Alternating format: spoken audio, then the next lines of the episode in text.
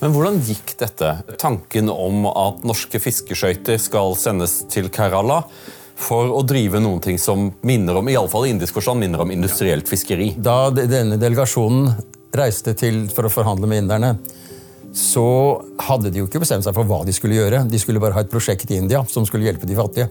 De endte opp med et fiskeriprosjekt på tross av at de visste at fiskeriutvikling i, tropiske, i tropisk klima kunne være veldig vanskelig. Fordi det var den måten de kunne bidra til å hjelpe de fattige og profilere Norge. Din forskning har jo fokusert på de tidlige kildene til norsk utviklingssamarbeid og denne dualismen i på den ene siden at man ønsker å hjelpe de fattige, og på den andre siden så ønsker man å i det minste bli sett at man hjelper de det, fattige. må, det måtte være en konsentrert innsats, for ellers så vil den bli borte i det indiske folkehavet. Velkommen til Toyes time, og i dag har jeg med meg professor Helge Faro, som er en av de store norske samtidshistorikerne. Du var en av de som utviklet dette faget i Norge, men jeg kjenner deg jo mest som de fortapte studenters skytsengel. Jeg må nesten spørre, Hvor mange mastergrader, hovedfag og doktorgrader har du veiledet? Ja, jeg tror det har passert, jeg, ga, jeg sluttet å telle da jeg hadde passert 300 hovedfag og mastere. Og så har jeg vel en 30-35 doktorander i tillegg, norske og ikke-norske. For det er ganske sånn uvanlig, for uvanlig i alle fall, at en professor vier så mye av sin tid til å være mentor for de neste generasjonene. Hvorfor har du vært så flink til å veilede? Det er vel spørsmål om både tilbud og etterspørsel, men først og fremst er det fordi det er fryktelig morsomt. Og det gir jo også veileder mye, og, og veiledes Iallfall med så begavede studenter som jeg hadde, så gir det fantastisk mye. Mange er ikke klar over det. Folk går på universitetet, men de forstår ikke at på universitetet så er det en del professorer som unndrar seg det de kan av administrasjonsarbeid, eh, og holde instituttet gående, det å veilede studenter, mens du har gjort det gjennom hele karrieren din. Veiledet veldig mye helt fra, fra starten av. Eh, Det var som jeg sa, tilbud og etterspørsel. Det var jo fordi jeg hadde, kunne veilede temaer som var eh, så å si, populære i tiden. Eh, Utviklingshjelp og europeisk integrasjon og amerikansk utenrikspolitikk og sånt noe. Så, og så syns jeg det var så, som jeg sa, jeg synes det var gøy. Men det er jo klart at det, det, det, det, tærer, det tærer jo på egenproduksjonen. Ja, selvfølgelig så tærer det jo på egenproduksjonen, men det er jo sånn eh, ja, Som jeg diskuterte i, i tidligere utgaver, så er det jo Problemet i dag, slik jeg ser det, er ikke at det publiseres for lite. Problemet er at det publiseres for mye. Eh, og det er jo det med at eh, En gang i tiden så var det jo sånn at en professor kunne se hele sin, hele sin gjerning i én bok eller to bøker. Mens nå skal man jo helst publisere en monografi hvert tredje år, en edited volume, eh, hvert, eh, en antologi hvert annet år, og gjerne tre-fire artikler i året. Og det blir jo overpublisering ut av det. Åpenbart. Ja, altså her er vi helt på linje. Det, og det, det, kom jo, det kom jo faktisk en del rask ut også. Eh, litt overdrevet kanskje, men det, det publiseres ting som er både halvveis publisert før, og som ikke er skikkelig bearbeidet. Men, det, men Du har vært ganske nøye på det med dine studenter. Men jeg hørte en, sånn, en, en, en anklage om at grunnen til at du veileder så mye, var fordi at du var så glad i å, å, å smugrøyke med studentene dine på, på kontoret. Fordi at eh, Før i tiden så var det jo lov til å røyke på kontoret, men at du tydeligvis hadde en slags regel om at du kunne røyke når du veiledet, ellers så fikk det Jeg røykte når jeg veiledet, og så røykte jeg innimellom sammen med instituttsekretæren. Eh, Men det var jo bare en tre-fire som jeg røykte med på studenter som jeg røykte med på kontoret. Så det var de du likte, de, de du kom best overens med? Ja, eller de som, de som syntes det var morsomt å, morsomt å røyke med meg. Det er vel antakelig det riktigste. Helge Faro, du har jo en svært norsk historie. Din biografi er jo et lite stykke Norge. For på dialekten så er du jo åpenbart østlending. Eh, Normalprosa? Standardnorsk, slik sånn eh, NRK-norsk. Ja. Eh, som er litt underlig, for du vokste jo opp i Sulitjelma, gjorde du ikke det? Jo. Og da, der måtte jeg være tospråklig. Jeg fikk ikke lov å snakke dialekt hjemme. Så og når jeg hadde kompiser på besøk, så slo jeg over etter hvem jeg snakket med. Hvorfor fikk du ikke lov til å snakke nordlending hjemme? Nei, det var vel en forestilling foreldrene mine hadde om at vi skulle sydover om ikke så veldig lenge. Og eh, det, det, var jo en tid hvor det å snakke nordlandsk det, det var jo et handikap. Ja, selvfølgelig. Og, eh, for jeg husker jo det fra besteforeldrene mine. at det var jo sånn at nordlendinger, eh, Man skrev jo det i annonser. 'Rom leies ut. No, eh, ingen nordlendinger'. Ja. Eh, så, men, men du, du, vokste jo du, du, flyttet mye i barndommen. Ja. Eh, født i Mo i Rana, et halvt år i Dunderlandsdalen, og så åtte-ni år i Sultjelma, og Sarpsborg. Uh, hvor jeg gikk på i syvende klasse. Og ja, så bodde vi faktisk mellom Sulitjelma og Sarpsborg så bodde vi på Grav uh, i Bærum en, uh, noen måneder mens vi ventet på at huset i Sarpsborg skulle bli ferdig. Så, og så har jeg jo flyttet ufattelig mange ganger etter at jeg ble etter at Tove og jeg giftet oss. Jeg bor vel nå i leilighet nummer ti eller noe sånt. nå. Men du hadde en opplevelse som var veldig kanskje litt typisk for din generasjon, for du var utvekslingsstudent i USA. AFS-student, tror jeg. I, var det Philadelphia? Philadelphia, ja. Kan du fortelle litt om hvordan den erfaringen var? For på det tidspunktet så var USA helt forskjellig fra Norge, var det ikke? Det var jo, altså, i, i, mitt tilfelle så var det om mulig enda mer forskjellig. Den for at Jeg gikk jo på en privatskole som kostet 3000 dollar i året. eller noe i den stilen der. Og det var jo forskrekkelig mye penger den gangen. Uh, og det var en ren gutteskole. Uh, og dette var Philadelphia og omgivelsenes uh, deler av overklassen.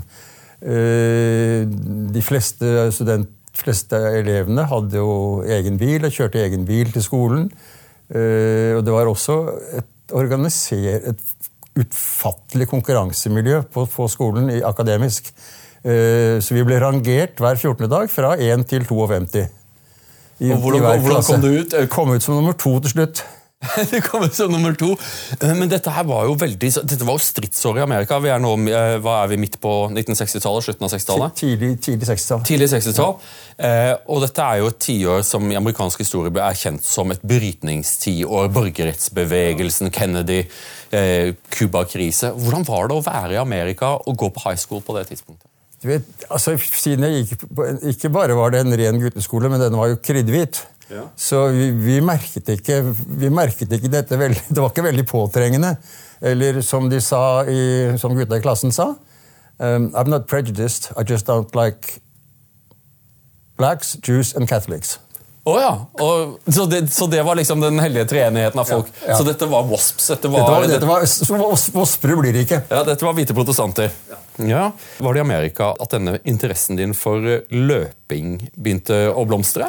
Nei, jeg tror vel snarere det var det at jeg vant jo gutteklassen på 800 i Tyrvingleken i 1960, altså året før jeg dro til Amerika. Så jeg kom vel heller på den skolen fordi jeg var god til å løpe. Ja. Uh, men, men jeg ble utsatt for et annet treningsregime. Uh, også med, bruk av, med mer bruk av vekter og sånn, som vi jo ikke gjorde noe særlig av i Sarpsborg. Og en trener som, som, passet på oss hver, altså fem dager i uka. Uh, det var trening etter skoletid. altså Vi begynte på skolen med, med Dette var en episkop, episkopal skole. Mm. Så vi begynte med chapel om morgenen, og så var det det syv, syv, syv, altså fire undervisningstimer og tre studietimer i løpet av dagen. Og halv fire var du ute på, ut og, ut og trene. Og det var to timer. For, eh, for, enkelte, Hvis vi hadde tatt og spolt litt tilbake, og jeg hadde sagt Helge Faro, så ville nok de fleste i Norge assosiert deg med én distanse, 800 meter, og én klubb, Tjolve. Ja. Jeg kom fra Sarpsborg. jeg ble juniormester da jeg var, med, var i Sarpsborg i 63. Ja. Eller 62 og 63. Ja, for, Men du tok løpingen ganske langt, du?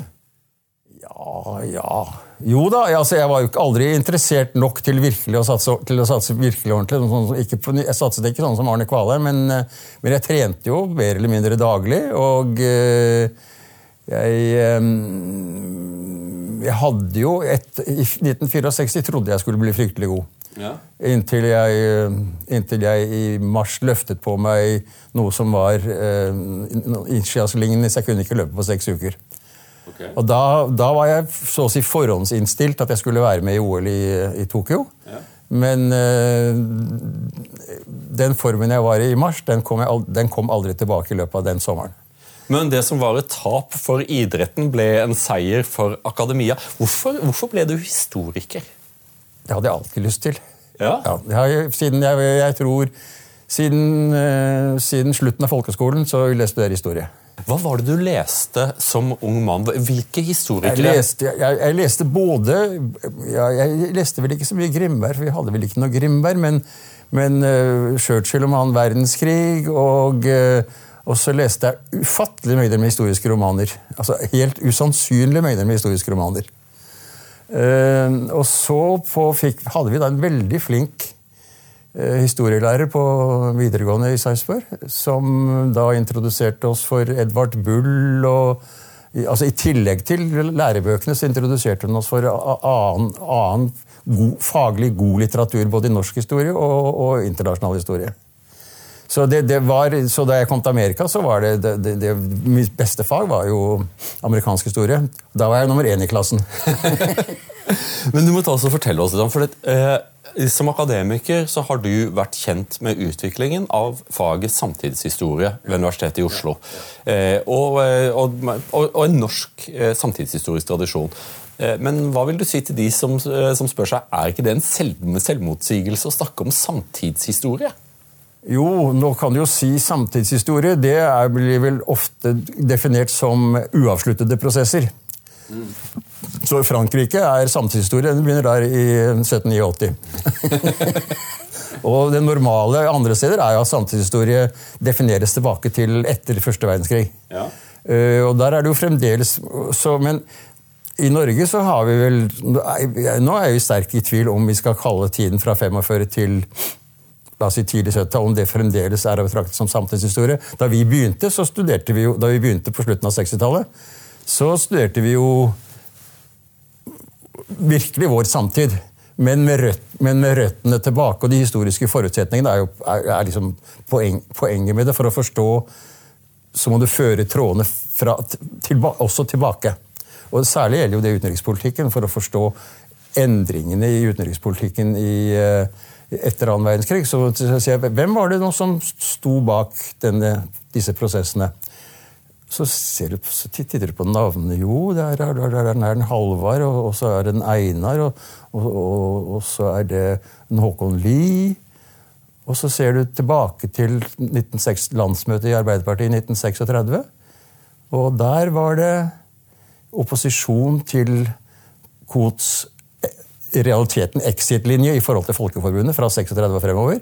Det er de samme personene som der, stem, som der insisterer på at Norge bør delta mer aktivt i Folkeforbundet, føre en mer aktiv politikk mot Nazi-Tyskland. Det er de som vinner i 49. Ja, for Jeg lar meg ofte overraske. Eh, Jeg er jo statsviter og, og, og arbeider ofte med langt eh, fenomener som ligger mye nærmere i tid. Men jeg lar meg overraske over det som eh, vi på nynorsk kan kalle pat dependency. Altså hvor, hvor stødig kursen er i norsk utenrikspolitikk, og hvor mye som skal til. På tross av ulike regjeringer og ulike politiske prosjekter, så ligger grunnlinjen i norsk utenrikspolitikk forbløffende fast over lang tid. Det er, eh, den, den har ligget veldig fast vi får jo se hvordan det går fremover nå, men den er veldig fast siden 47. Og de, de, de, Der ble jo forberedelsen gjort under, Lond, under London-regjeringen. Da, da kom de som senere ble de sentrale personene, kom ut og levde i et internasjonalt miljø. De, var, de trodde da ikke lenger på at, at hva skal vi si, det går ikke an å isolere seg. Altså, Co trodde jo at Norge kunne isolere seg. Eh, i 36 at eh, Tyskland ikke var noen trussel, fordi England ville, sikre, ville passe på at tyskerne ikke kom til Norge. Eh, det Koht ikke tenkte på, var at det fantes noe som het flyvåpen, og at engelske, engelskmennene ville ikke, ville ikke risikere sitt, sin flåte under med beskytning fra tysk, langtrekkende tyske flyene. Olav Ryste, din kollega, har jo formulert dette på klingende nynorsk om at Storbritannia i sin egen interesse ville holde Norge fritt. Eh, Men et av dine første sånn store forskningsprosjekter var knyttet til den norske Marshallhjelpen. Jeg tror at det kan være sånn interessant, for det, eh, I vår tid så er det jo sånn at hver gang det er en utfordring, så er det noen på, eh, på Stortinget som vil ha en, en ny Marshallplan. Eh, Kan du fortelle oss litt om Norge og Marshallhjelpen? Det, altså det med en ny Marshallplan tror jeg er, det er et, mitt plan, et, min oppfatning henimot tullprat. Altså det som var, var problemet etter annen verdenskrig, var ikke i og for seg mangel på varer. Det var, det var knapphet på varer. Uh, og det var knapphet på olje og køl, og det var knapphet på korn og innsatsvarer til industrien. Men alt dette kunne jo kjøpes i USA eller Latin-Amerika eller andre steder. Eh, men det kunne ikke kjøpes Olje og kull kunne ikke kjøpes i Øst-Europa sånn som før. Og industriinnsatsvarer kunne ikke kjøpes i Tyskland, for Tyskland var i realiteten lagt øde. Slik at det som trengtes Men de stedene som kunne tilby olje og sånn, da måtte du ha dollar. Og det, det, problemet var i 1946 at det var, valuta, det var en valutaproblem. Snarere enn også Gjenreisningen hadde gått fryktelig fort etter krigen. Den lå på, Industriproduksjonen lå på førkrigsnivå eh, i 47-48. Ja. men hvis, den skulle, hvis, denne innsatsen videre, videreutvikles, så trengte, trengte, de dollar, og dollar var praktisk talt ikke å oppdrive. Så de sto overfor trusselen om oppbygging av tollmurer, kvotehandel, alt mulig sånt noe, som ville redusere det internasjonale varebyttet. Skape veldig problemer for Norge, som jo var avhengig av stor eksport til et internasjonalt marked. Det, så det, så det, problemet, er ikke, problemet var ikke den, den, formen for nød som du finner i Afrika, eller som du kunne finne i Afrika. Det var, det var et valutaproblem. Ja, og det var jo slik at eh, Selv om Marshall-planen blir sett på som det store eksempelet på på, på en, eh, en, slags eh, godhjertet hjelp, så må vi også ta med at i 1954 så står da USA for mer enn 50% av verdens samlede industriproduksjon. Så de fikk jo avsetning for varene sine gjennom å gjøre det mulig for deres venner og allierte å kjøpe dem. Ja, Det var, absolutt, det var absolutt et poeng. Ja. Og, altså, som du sier, det, er, det, er et element av altruisme. altså I forhold til hva amerikanerne gjorde etter første verdenskrig, så er det et betydelig element av altruisme i det. Men det er jo egeninteresse, som du sier, å få solgt amerikanske varer. Og det andre er Vi kan ikke ha en ny mellomkrigstid. Altså For å stabilisere Vest-Europa så, så, så, så trengtes amerikansk støtte til gjenreisningen. Og det er, det er, amerikansk eksport, amerikansk gjenreisning og et betydelig element at vi, vi, vi kan ikke oppleve mellomkrigstiden en gang til. Men eh, hvor viktig var Marshall-hjelpen for eh, gjenoppbyggingen av Norge, og det at, eh, at, Norge finner sin plass blant, ganske tidlig blant verdens eh, la oss kalle det utviklede land? Ja, den var, den var, viktig i betydningen den bidro til at uh, utvikling av ny industri, altså Sunndalsøra, var jo sentral, og Nord-Norge-planen var sentral med amerikanske midler. Det som amerikanerne, det amerikanerne ikke likte, det var jernverket på Mo i Rana, for der hadde Norge inkomparative fortrinn i det hele tatt, som det jo over tid viste seg. Men det, det, det, det trumfet Det skulle etableres. Og det, var jo en sånn, altså det er jo en blanding her på norsk side mellom avhengigheten av det internasjonale markedet og oppbyggingen av en, hjem, av en industri som kan ta, også kan etableres på hjemmemarkedet. Ja, for Det var jo et element av ideologi i dette. Eh, sosialdemokratene, eh, Arbeiderpartiet, var jo eh, i denne perioden kraftsosialister. De, de, likte, de, likte, industri og fysisk infrastruktur og elektrisitet og ja. utbygging. Ja. Men, det var, men det var industriutbygging som skulle, tok sikte på eksport. Altså det er, det, og den der forestillingen om at, at man ikke, ikke trengte øh, inn, altså Det er en, en blanding av sånn hjemmesos, hjemme, hjemmemarkedssosialisme og, og, eksportorientering. Og den, den, er, den, var uavklart frem til ja, litt inn i Marshallplanen. Mm. Men så tar du og slår over på det som har fortonet seg som det mest perifere forskningsfelt som tenkes kan. Kerala-hjelpen. For i den samme perioden som Norge eh, eh nyter godt av, eh, og har nytt godt av Marshall-hjelp og er i ferd med å komme seg på føttene og finne, finne sin fremtid innenfor Nato-samarbeidet eh, og i relasjon med andre europeiske land, så begynner den første kimen til norsk bistand. Og det første prosjektet, hvis jeg har forstått det riktig, er et prosjekt i den indiske delstaten Kerala der Norge skal bidra med å utvikle fiskerisektoren. Hvordan kom du på å studere dette? Ja, jeg kom jo ikke på det. ikke visste noen ting, jeg kom ikke på det selv. Ikke visste jeg noe om India, og ikke hadde jeg noe peiling på utviklingshjelp. da jeg ble, Men John Sandnes var på jakt etter en historiker som han trodde kunne skrive om for, si, Han var blitt bedt av Norad om å finne en historiker til å skrive om det administrative samarbeidet mellom Norge og India. Først så spurte han da Geir Lundestad, men Geir hadde bestemt seg for han skulle reise nordover, så han var ikke interessert.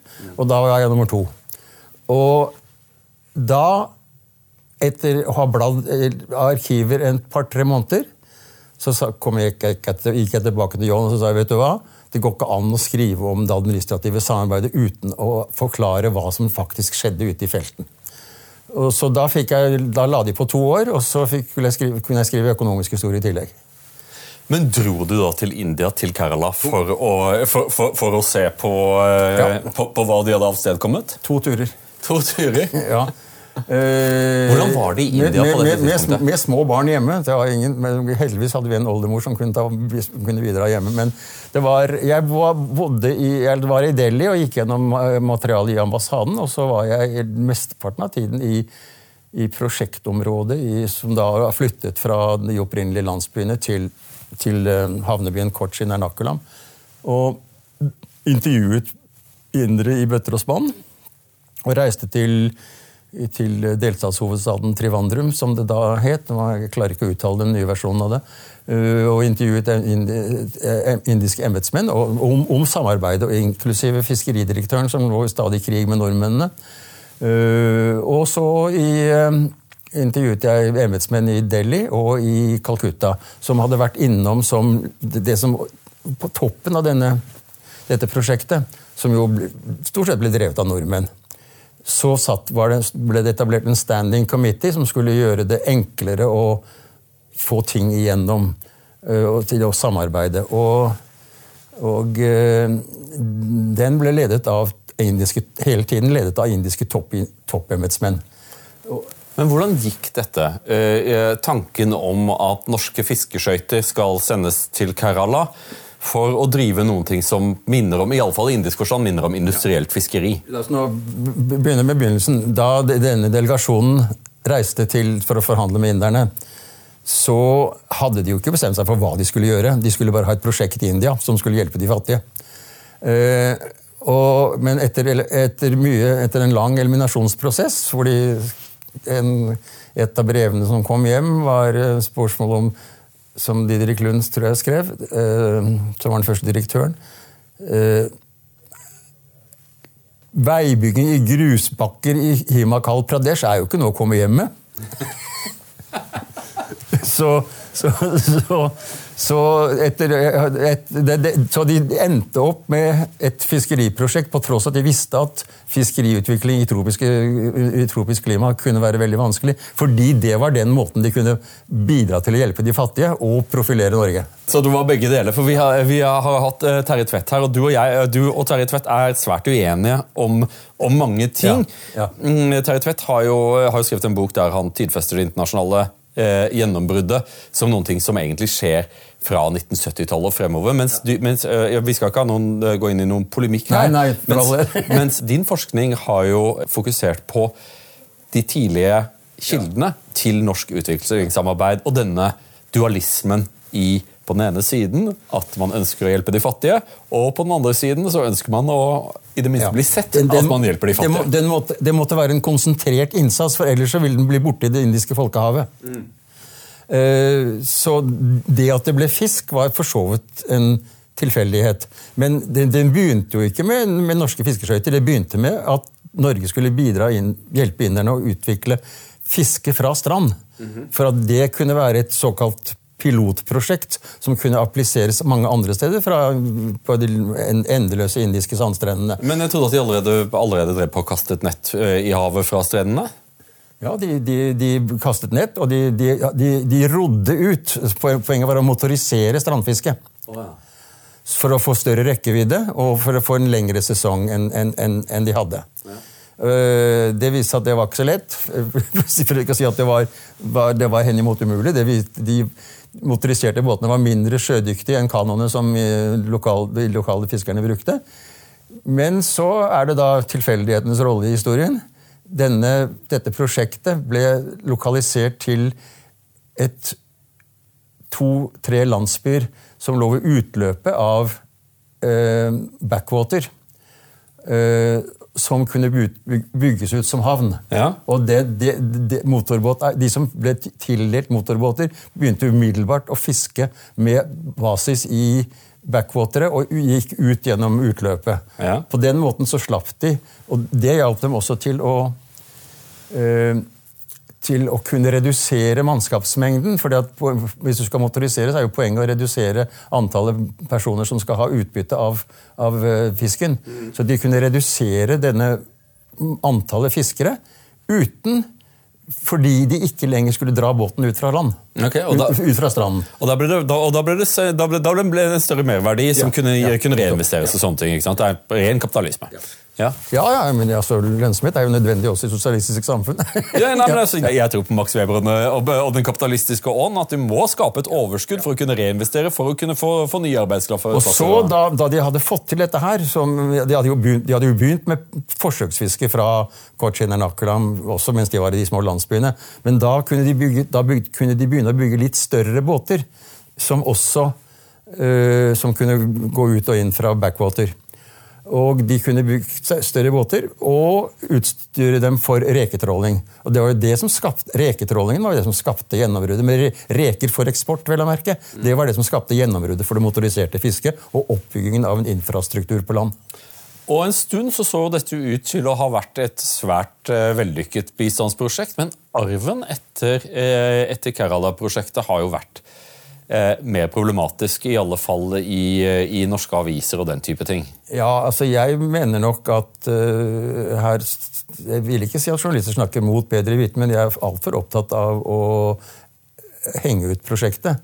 Eh, og de, gått i, de går jo i gode, gode fotspor da, etter Galtung og Arne Martin Clausen, som jo kritiserte prosjektet helt systematisk fordi de ikke oppfylte det opprinnelige ønsket. De mener de ikke oppfylte ønsket, det opprinnelige ønsket om å hjelpe de fattige. At det istedenfor var fiskehandlerne og noen få til, og ut, kapitalister utenfor fiskerisektoren, som tjente mest på det. Eh, og Det er et stykke på vei riktig, og det, det som også er riktig, er at det førte med seg ikke ubetydelige økologiske problemer med, i forhold til mangroveskogen. Eh, men alt i alt så har det jo skapt vekst i landsbyene og også andre steder, og særlig har det skapt hva skal vi si, betydelig mindre helsefarlig sysselsetting for kvinner som blir ansatt i, i, i, i, rekeproduksjonen istedenfor å drive med å banke kokosmatter i, i backwater. Ja, for eh, Norge har jo hatt en identitet som et, eh, et bistandsland. Eh, og vi er jo et av de siste landene som, som klamrer seg til hva er det, 2% eller hva det nå, hvor, hvor mye det er nå? 1 ja. En pro- ja, ja. Til 1 men vi er jo godt over 1 Ja. Eh, eh, og så Bistand har liksom blitt en av, et en av disse pilarene i norsk utenrikspolitikk. Og, og nesten hver gang det er statsbudsjett, det er nesten, det er, det er et element av teater i det. At, at Mindretallsregjeringen kutter litt i bistandsbudsjettet, og så kommer SV eller KrF inn og redder. For jeg tror at du er enig i at, eh, at bistandens eh, historie i Norge og effektene av det er, er mangslungen. Eh, det, det er ikke et udelt positivt, i det minste. Nei.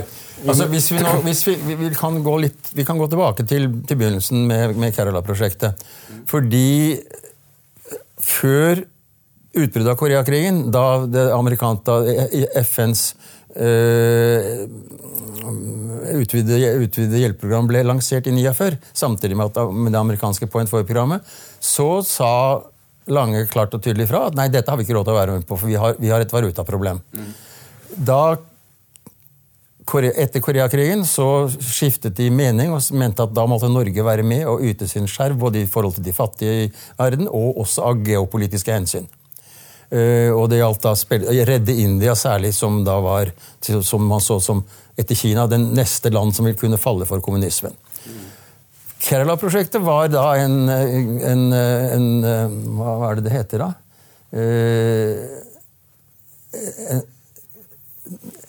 En, en, genial løsning.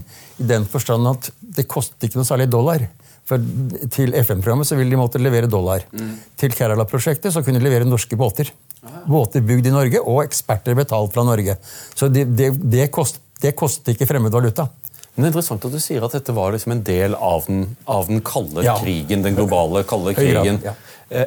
For du har jo, i tillegg til å jobbe med Marshallplanen og... Bare fortsett. Ja, fortsett. To, ting, to ting til. Men, men Norge var en, en, veldig beskjeden bidragsyter helt frem til midt på 60-tallet. Da etablerte OECD en såkalt Development Assistance Committee, som under amerikansk press, DACA, som da lagde rangeringslister. Og da, det, da lå de skandinaviske landene helt på bånn.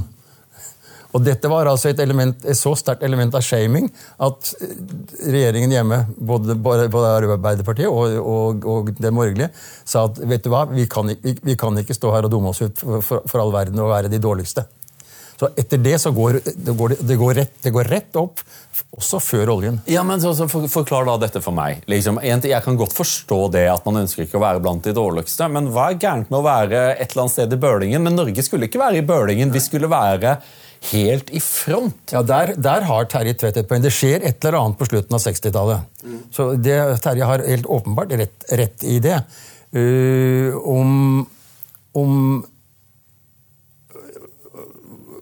hvor mye det har, hva, hva det har, det har åpenbart også med den alminnelige radikaliseringen å gjøre. og Antagelig med Biafra-krigen. Altså elendigheten som kommer inn gjennom folks TV-skjermer. TV og forestillingen om at vi skylder, vi skylder andre å gjøre noe.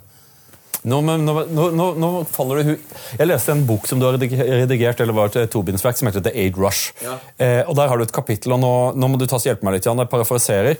Men var det ikke et element av at eh, de høye herrer i Arbeiderpartiet så at eh, det hadde vokst fram et ganske radikalt og idealistisk element i deres eget parti?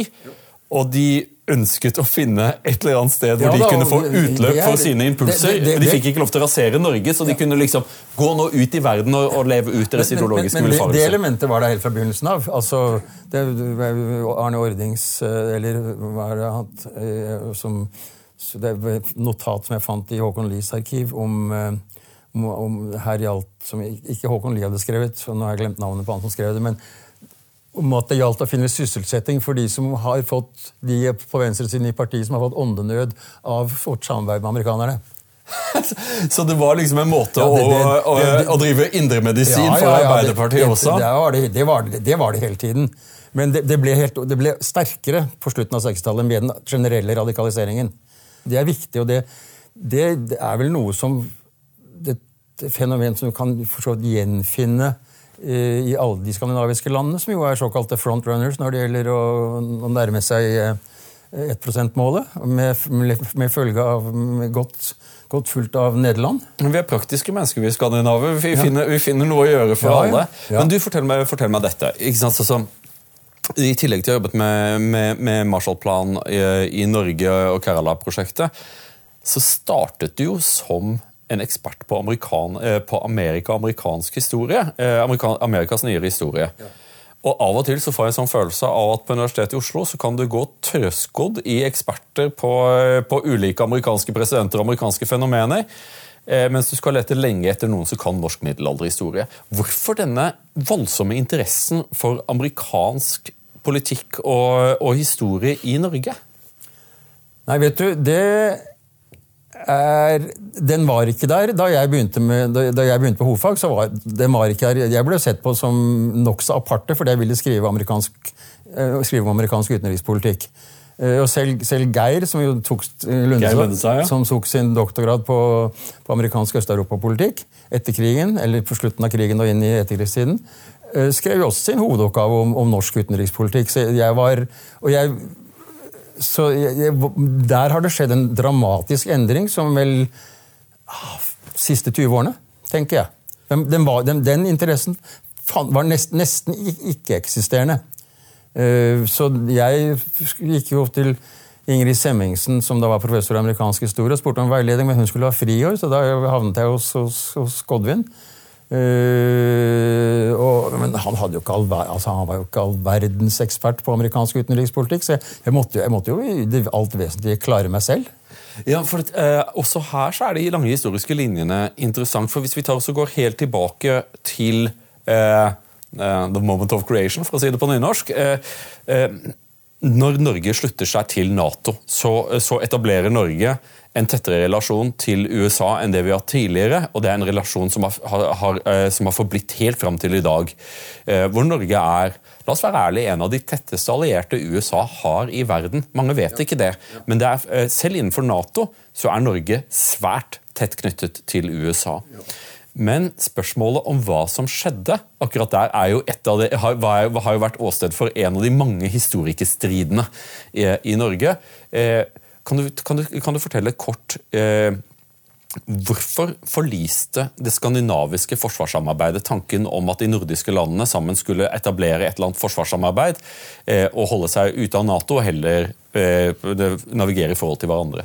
Jeg tror det er, eh, det er, det er to, to, sentrale tingene. Det ene er eh, erfaringene fra 9. april, altså, som viste at England i en, en, en, en, moderne krig kunne England ikke eh, beskytte Norge. Og Norge kunne knapt nok beskytte seg selv uten at det, fant, uten at det foregikk forberedelser i fredstid. Altså et nært samarbeid med den som eventuelt skulle beskytte oss. Eh, det andre poenget er jo at eh, de sluttet å tro på at det var mulig å holde seg utenfor. Holde seg, det, det fantes ikke noen exit-løsning. Altså, det var ingen nøytralitetsløsning ja, som var mulig? Nøytralitetsløsning den var ikke mulig lenger. Ja. Og det var, det, det var, problemet i forhold til Sverige, som jo sa, holdt stenhardt på nøytraliteten. Og de ville ikke engang ha en uf, uformell åpning i forhold til amerikanerne. De skulle ha en, en helt stenhård nøytralitetspolitikk. Ikke akseptabel for Norge. Og åpningen til Vesten var helt uakseptabel for svenskene. Så enkelt som, som, som uh, eller som, som Furubåten sa til en, Peder Furubåten sa til en av student, en student som skulle intervjue ham. Så han sa han Ånd skal seire! Så enkelt er det. Ånden skal seire. Og det var altså, tankegangen var, tankegangen var helt forskjellig. Ja. Men det, det, er jo en ting som, har, som, har, fascinert meg nå som endelig Sverige og Finland slutter seg til Nato. Nå sitter vi jo i 2022, og jeg jeg snakket jo med representanter i Riksdagen og, og, og, og sa når skal dere slutte dere til Nato? For det vil være langt lettere å drive forsvarsplanlegging på den skandinaviske halvøy hvis dere svenskene sa kommer ikke til å skje. Kommer ikke til å skje. Seks måneder senere så gikk søknaden. ikke ja. sant? Og alle sammen, og alle hjerter fryder seg, men ingen synes å stille spørsmålet eh, Hva vil Sverige tilby Nato. For Sverige er jo også et litt spesielt land. Og det virker ikke som at svenskene heller har tenkt gjennom det. De, jeg tror at de, er, de ser all, alt hva Nato kan tilby, hva, hva, Nato kan gjøre for dem. Men det virker ikke som at de tenker like mye på hva de kan gjøre for Nato. De vet ikke, Jeg tror ikke at de forstår hvilke forpliktelser de begir seg inn på. Nei, antagelig ikke. Det, det, du, skal ha vært inne, du skal ha vært inne i Nato ganske lenge før, det, før dette helt går opp for deg hvor sterke forpliktelsene er. Det, det er det ene. Det andre er og så er spørsmålet her, vil de, vil de være interessert i, som Norge, i å gå inn i et så tett etterretningssamarbeid med amerikanerne som Norge, Norge har gjort? Det er jo det som ligger til grunn for den hva skal vi si, Amerikanernes glede over Norge og behandlingen av Norge er jo etterretningssamarbeidet. Og da må svenskene vurdere skal de, skal de, som Norge gjorde, skal de gå inn i et tett etterretningssamarbeid. Skal de, og skal de gjøre det selv? som man gjorde på norsk i det bestemte, at for å ikke ha amerikanske etterretningspersoner vasende rundt i Norge hele tiden, så må vi jo gjøre en innsats selv og knytte tette bånd til amerikanerne. Og Dette er jo tema for Rolf Tamnes. Rolf Tannes har jo skrevet veldig klokt om ja, dette, så jeg har jo bare vært i dette i forhold til det, til det politiske. og uh, Nå fikk de jo ny regjering i Sverige i dag. Og det var jo mitt uh, entydige råd, uh, de var dumme nok til å spørre meg, at la veien til Washington gå gjennom Oslo. Ikke pga. At, at vi er, er veldig viktige, men vi forstår amerikanerne. Det er mange feil som kan begås dersom dere, hvis dere iler inn i Washington med, eh, med, med, den bagasjen dere har, så kan mye gå galt. Vi har prøvet og feilet i 70 år. ikke sant? Dette er jeg helt enig i.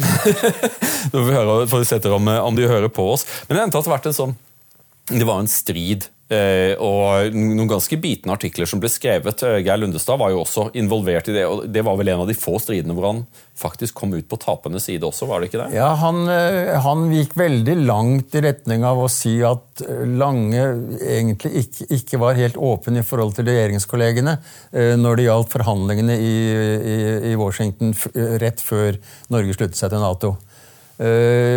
På ikke helt godt kildegrunnlag. Så både Knut Einar, jeg, Knut Einar Eriksen og jeg eh, gikk jo ut i, og sa at med nokså nok tungt belegg sa at vet du, Geir, her tror jeg du, her er vi nokså sikre på at du tar feil. Men for Det er en av de tingene jeg virkelig liker med dere historikerne. Det er veldig mye Jeg liker, jeg er jo historiefan, jeg også. Men en av, det, en av tingene jeg liker ved norske historikere, er hvor utrolig stridbare dere er.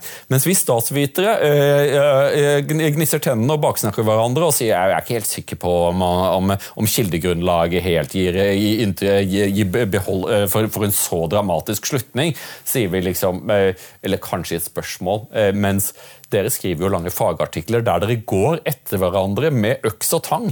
Eh, hva er det ved historikere som gjør dere så stridbare? Vi arbeider hele tiden også med et historiografisk utgangspunkt.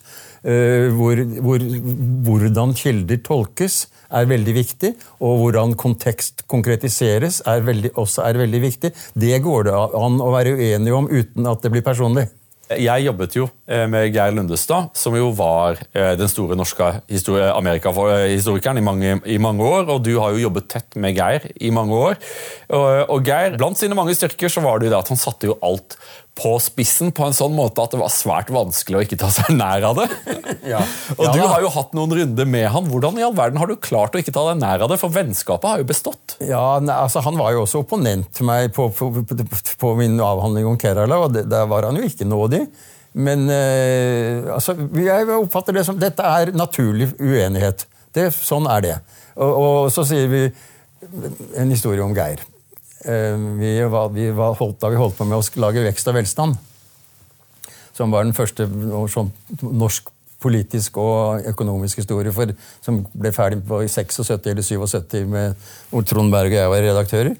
Hvor Geir da skrev siste kapitlet.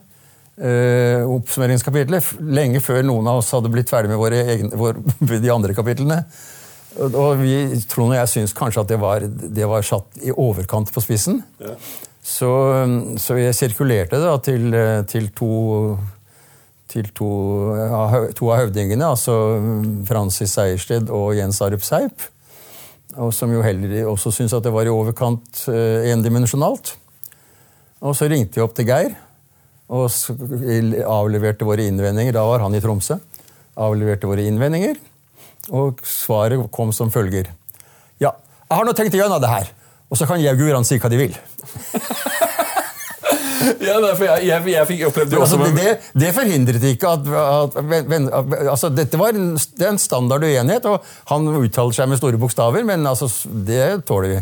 Ja, absolutt. og Jeg fikk jo, jeg fikk jo en, en, en, mild bris, eller i alle fall, men det opplevdes jo veldig vondt på min egen doktoravhandling, som jo handlet om relasjonen mellom Nato og EUs eh, forsvarssamarbeid CSTP.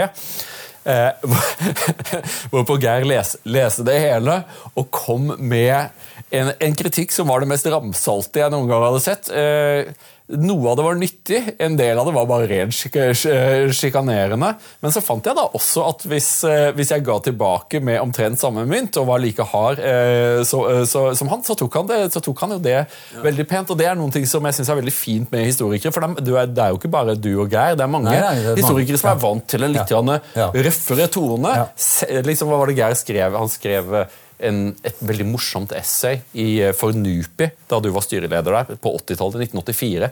Eh, norsk utenrikspolitikk. En kritikk. Eh, og ja. der, han, der, starter han med å si eh, 'Jeg setter det på spissen, der står det ofte best'. Ja. Dette er vel noe han har fra Seip, tror jeg. Men så, så, Hvor skal veien gå videre for norsk historieforskning? For eh, jeg ser jo det at i løpet av din levetid så har du forvaltet store forskningsprosjekter om den norske fredstradisjonen, Marshallhjelpen. Eh, veldig mye kunnskap har blitt ført frem. Men nå skal jeg stille deg et litt vanskelig spørsmål, for jeg underviser jo på universitetet selv. og så Det er et eller annet som har skjedd med studentene. De leser ugjerne bøker. De leser ugjerne lange tekster. Eh, den der greia som vi ble Du var sannsynligvis langt bedre enn det min generasjon var, men vi måtte jo også lese hyllemetere med litteratur før vi fikk lov til å skrive et ord. Eh, det var en forventning om det. Mens jeg ser jo at det kommer en generasjon nå som har vokst opp med skjerm, eh, som har ganske kort attention span. altså. Ja, vi ser jo, De er jo for, fortsatt med som, eh, med som sensor på, på, på masternivå. Uh, og uh, det er nok Selv om de, de, de er jo en, for så vidt et, et, et, bedre utvalg enn en, en, en bachelorstudentene. Men også der er det nok en tendens til om ikke akkurat lettvintheter, så iallfall ikke, ikke gå så bredt ut som vi, pleide, som vi pleide å gjøre. Og ikke lese riktig så mye, og ikke være så nysgjerrig som vi måtte være. Så det, jeg, jeg synes, det er nok et problem, tror jeg, et, et, et problem på studentnivå. Men når det gjelder historiefaget, så er jeg vel så bekymret for at det begynner å bli så lidderlig mange ikke-norske eh, historikere på instituttet på Blindern. Og det er klart at, altså, vi, vi, vi, har jo nå vært i en situasjon i mange år hvor det ikke fantes noen egentlig 1800-spesialister. 1800-tallsspesialister. Uh, eh, og det, det, ble lyst ut stillinger, og det uh, Som lyst, lyste ut stillinger internasjonalt, relativt åpent. Uh, og med noen stillinger til i europeisk historie og amerikansk historie. Det er klart at Når det lyses ut internasjonalt, så kommer så det kommer jo, kommer jo tyskere og amerikanere i bøtter og spann. Ja, men saken er jo det at, For meg så, så ligger det jo en, en grunnleggende feilslutning her. For tanken er da at, at uh, vitenskapen er grenseløs. Uh, så hvis det er en som sitter og ekspert på en, en østerriker som sitter og er ekspert på Habsburg på uh, tiden i, på Universitetet i Oslo, så vil det sitte en person i Wien og er ekspert på norsk middelalder. Men det er sånn det ikke. Er det ikke. For Norge er for spesielt interesserte. og da Jeg, hadde, jeg gjorde et prosjekt for NRK, som var en historisk podkast utrolig vanskelig. Jeg, jeg, jeg, vil gjøre en podkast om hanseatene. Så viser det seg at det finnes jo ingen ordentlige Hansa-forskere. Altså For å være Hansa-forsker så må du kunne Plattdeutsch, du må kunne Hortdeutsch, du må kunne latin, og du må kunne norrønt. Det, det, det, er dette som, som, som kildearbeidet foregår på. Eh, og da, da, må du til Tyskland, da. Eh, for å, for å, du måtte til Greifswald for å finne en, en danske professor Olesen. Eh, og jeg syns det er litt trist at slike hull oppstår når det norske samfunnet faktisk investerer veldig mye i vitenskap. Dette er hva skal vi si, nedsiden av internasjonaliseringen av, eh, av universitetet. Og eh, jeg kan ikke se at, at jeg, etter min oppfatning er dette ikke en, en, nødvendig utvikling. Det er ikke noe vanskelig å lyse ut stillinger som er slik at de ivaretar norsk historie. For, det, det, er det jeg tenker, jeg også. Drevet av dette, jeg har jo vært bestyrer i flere omganger, så dette, dette, har jeg rimelig god greie på, hvordan man lager utlysninger. Ja, og så er det jo også det at eh, når norsk som arbeidsspråk forsvinner, så forvitrer også norsk som vitenskapsspråk. Ja. Og dette er ikke et provinsielt poeng om at, eh, om at, det er universitetets oppgave å holde norsk gående. Norsk holder seg gående på gateplanet og i kulturen. Det er ikke det. Men som et kunnskapsspråk så er vi faktisk avhengig av at forskning også foregår på norsk. Og jeg syns norsk er et helt utmerket vitenskapsspråk. Ja. Ja. Og her, her, er, tror Jeg jeg vet ikke om du snakket med, om du snakket med Øyvind Øster om dette også, men, eh, men formodentlig. Men her er Øyvind og jeg helt på linje. At det, er, eh, det er, nærmer seg det skandaløse at, at alle på død og liv skal skrive på engelsk. Det er også, jeg synes jo, du har jo, du har jo bodd i Amerika, jeg har jo bodd også noen år i utlandet. og jeg kan jo si med, med med stor sikkerhet at eh, nordmenn tror at de kan bedre engelsk enn det de faktisk kan. Ja. Og, og, Det, det grøsser litt i meg når, når, nordmenn legger seg til en engelsk sosiolekt i tro på at det er en dialekt. Eh, altså at de, de, snakker som om de skulle komme fra den absolutte økonomiske elite. Gamle penger i Storbritannia. Eh, og Det er det de signaliserer til briter også. Britene forstår jo ikke, for det er ikke en, dette er jo ikke en London, det er, det er jo ikke en dialekt som kommer fra, fra en region. Nei, nei, nei, det er Nei, Det er, eh, det, det er helt Men det var jo, altså i vår tid, var det jo, eller i min tid, da, så var det jo den, det, det var jo den sorten engelsk vi lærte på skolen. Men, men, det, men det, det, har jo blitt skrellet av nokså grundig. Ja, engelsk har jo også blitt, eh, blitt påvirket av, eh, av, av amerikansk, ja. og det er jo forvitringen av, av høyengelsk. Det har, liksom, det, har et, det har, blitt en sosiolekt i, i betydelig grad. Altså selv, selv, Jeg var nettopp tilbake i Cambridge. Og å se hvordan engelskmenn legger seg til en sånn kvasiproletær eh, grammatikalsk feil engelsk. Det er også en smule komisk. Ja, ja ikke sant? Det er også, også en, en, smule komisk. Ja. Men eh, Helge Faro, vi må gå inn for landing. Så lenge jeg har kjent deg, og det begynner å bli noen år nå, eh, så har du alltid hatt eh, i alle fall to bøker som du har dårlig samvittighet for. Kan du fortelle hvilke, hvilke, bøker har du dårlig samvittighet for akkurat nå? For du har jo skrevet en masse bøker også, og du har redigert en masse bøker. Men hva er det som er, ligger på trappene? Jeg vil... Er, nå er det tre. altså det ene, det ene, er jo det ene er Norge og Marshallplanen, hvor jeg, som, hvor jeg som jeg begynte med da jeg var, da jeg var Vittas på tidlig på 70-tallet. Ja. Uh, hvor jeg har skrevet diverse artikler, men som, hvor jeg ikke har laget klart, ikke har fått somla meg til å lage noen, noen, noen, samlet fremstilling. Det andre er en engelsk versjon av uh, en, en, en, betydelig kortere engelsk versjon av eh, boken om Kerala-prosjektet. Ja. Eh, som og I tillegg til at jeg jo en, en, gang, i tillegg, en gang i tiden lovte, men da var jeg i, da var jeg i sykkelulykke og kom meg ikke før etter at uh, andre ting hadde ramla i fanget på meg. Uh, så det, det, er jo en engelsk versjon av den norske bistandshistorien, altså bistandshistorien ja. som var meningen jeg skulle lage. Og så er det da selvfølgelig Da blir det fire, da så er det en bok, en samlet fremstilling av resultatene av og den, Det skal være på norsk. Av uh, arbeidet med den norske fredstradisjonen. Uh, som jo er en, en, litt sånn alternativ utenrikspolitikk fra 1905 og fremover. Og det er uh, der, der, har jeg da to, to medforfattere.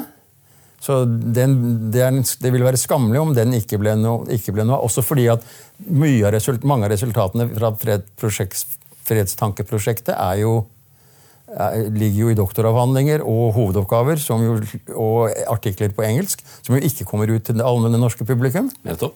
Uh, det er, så det, det, er, det, er, begrunnelsen der at dette, dette bør frem. Eh, når det gjelder bistandshistorien, så den, bør den ut eng, samle ut på engelsk til et internasjonalt publikum. Når det gjelder Marshallplanen, så vet jeg ikke riktig om jeg burde skrive den på norsk eller engelsk. Det, det, mye, ty, mye, tyder på at det er vel så stort behov for en bok på, på, norsk som på engelsk. Det er det jeg tenker, jeg også. Eh, takk for at du sier det, for jeg tror at hvis du skriver på norsk for et norsk publikum, så vil du bidra med noen ting som faktisk skulle være ganske nyttig også i dag. I en dag, i en tid der vi begynner å se eh, flaskehalser og knappheter eh, og, eh, og valutafluktasjoner på en måte som vi ikke, mange ikke opplevde i sin egen levetid.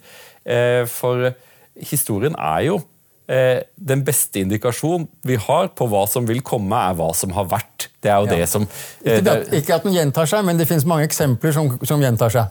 Ja, eller hva var det Hopsbaum sa? At historien gjentar seg aldri, men av og til rimer den. Noe sånt nå, ja. ja. Professor Helge Faro, det har vært en glede å ha deg her på Torjus time. Takk så mye. I like måte.